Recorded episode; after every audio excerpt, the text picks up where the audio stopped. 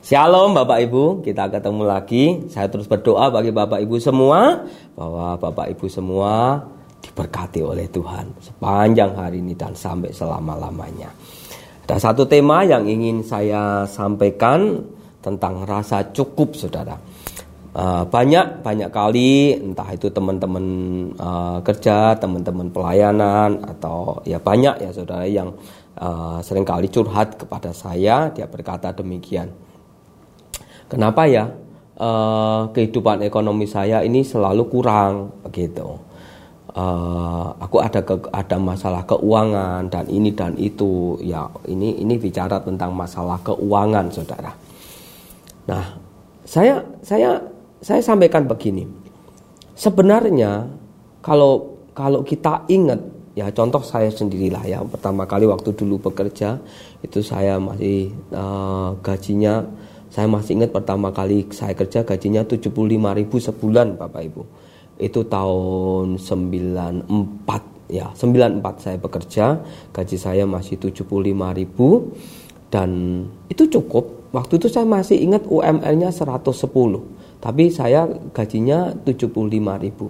Ya 110 75 ribu artinya masih di bawah UMR dan itu sudah termasuk uang makan uang bensin semuanya lengkap pokoknya 75 ribu kemudian eh, tiga bulan naik 5 ribu jadi 80 ribu Terakhir saya kerja di sana gaji saya itu kalau tidak salah 115 ribu masih di bawah UMR. UMR sudah naik menjadi 125 ribu saudara. Nah yang ini saya sampaikan begini, waktu gaji saya 75 ribu ternyata itu cukup loh saudara. Bisa buat makan. Ya memang waktu itu makannya sehari dua kali tapi tetap hidup kok gitu. Saya saya kos dengan kakak saya yang yang bayar di kos memang masih koko saya gitu dan itu kos murah sekali. Kos itu satu bulan 25 ribu saudara. Itu satu kamar kecil memang ukurannya uh, atas bawah gitu ditarik gitu. Saya tidur di bawah, koko saya tidur di atas begitu. Ya itu itu cerita lain lah ya. Uh, tapi tapi cukup kok 75 ribu. Nah kemudian tahun 95 saya mendapat pekerjaan yang gajinya gede saudara. Waktu itu saya masih ingat waktu itu gaji saya itu cukup lumayan lah jauh di atas UMR. Waktu itu 600 ribu. Nah sudah itu saya juga hari Sabtu Minggu saya kerja sebagai konsultan saya mendapat gaji 300 ribu. Jadi gaji saya saat itu 900 ribu. 900 ribu maaf. Itu cukup gede banget waktu itu. Tahun 95 saudara dan itu cukup besar sekali. Nah anehnya gaji 75 ribu habis. Gaji 900 ribu juga habis loh saudara. Padahal, padahal itu uh, itu gede banget waktu itu. Saya masih ingat dulu kalau kita pengen waktu itu pengen beli TV, TV itu masih 350 ribu itu sudah 21 in gitu ya cukup besar gitu ya. Kulkas juga masih 350 ribu saya masih ingat kulkas yang satu pintu. Tapi uh, gaji 75 ribu 900 ribu kemudian naik sekian juta sekian juta tetap entek. Aneh ya. Nah itu sebetulnya masalahnya bukan pendapatan kita tapi pengeluaran kita yang perlu kita atur. Kalau kita ngomong pendapatan kita ya selalu kurang kita ini orang yang serakah, saudara. Berapapun kurang. Oleh sebab itu, Lukas 3 ayat 14 ini menarik, saudara. Ya, Lukas 3 ayat 14 berkata demikian. Dan prajurit-prajurit bertanya juga kepadanya, dan kami, apakah yang harus kami perbuat? Jawab Yohanes kepada mereka, jangan merampas dan jangan memeras dan cukupkanlah dirimu dengan gajimu cukupkanlah. Ini menarik. Ini ada diskusi dialog antara Yohanes dengan para prajurit.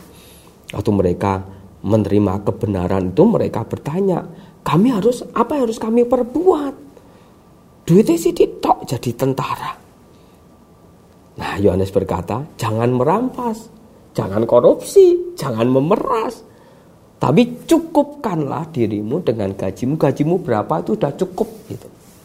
Tapi benar loh saudara, saya yakin dan percaya kok. Bapak ibu saudara juga pasti seperti itu. Gaji kita berapa atau penghasilan kita berapa ya entek pas. Waktu kecil ya entek, banyak yontek sama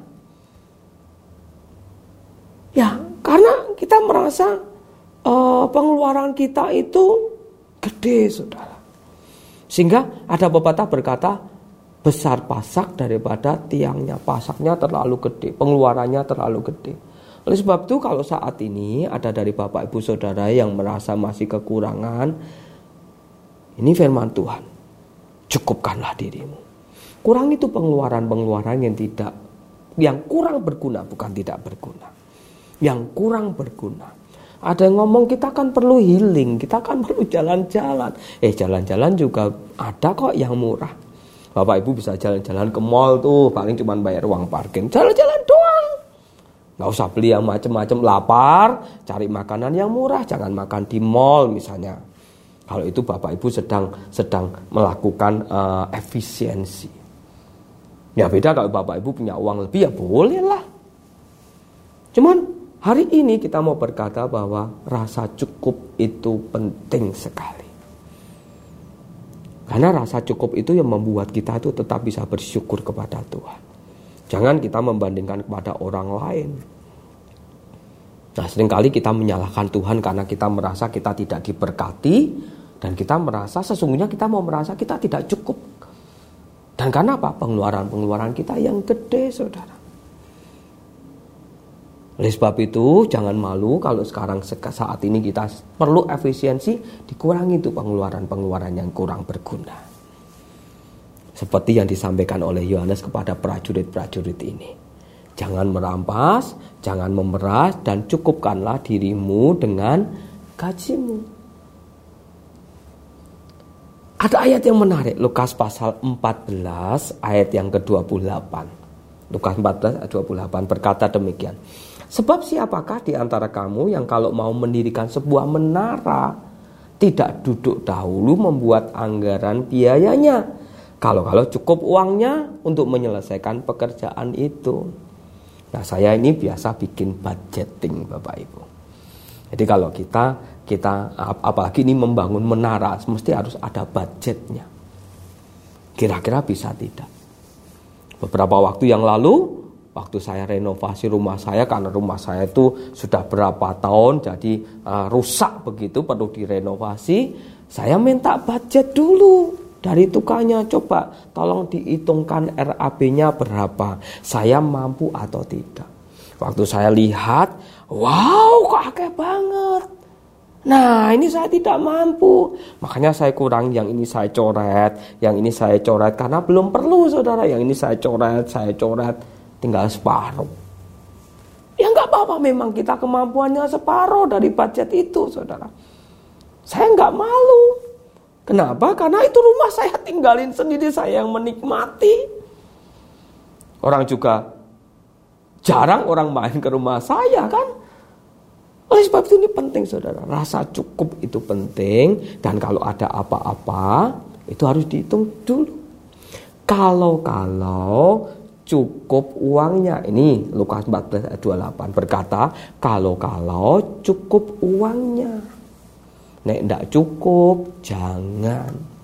Ndak usah maaf sok wah gitu.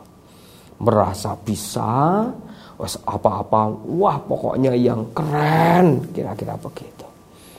Kalau saudara bisa beli sesuatu dengan harga yang mahal, ya puji Tuhan karena Bapak Ibu diberkati secara keuangan.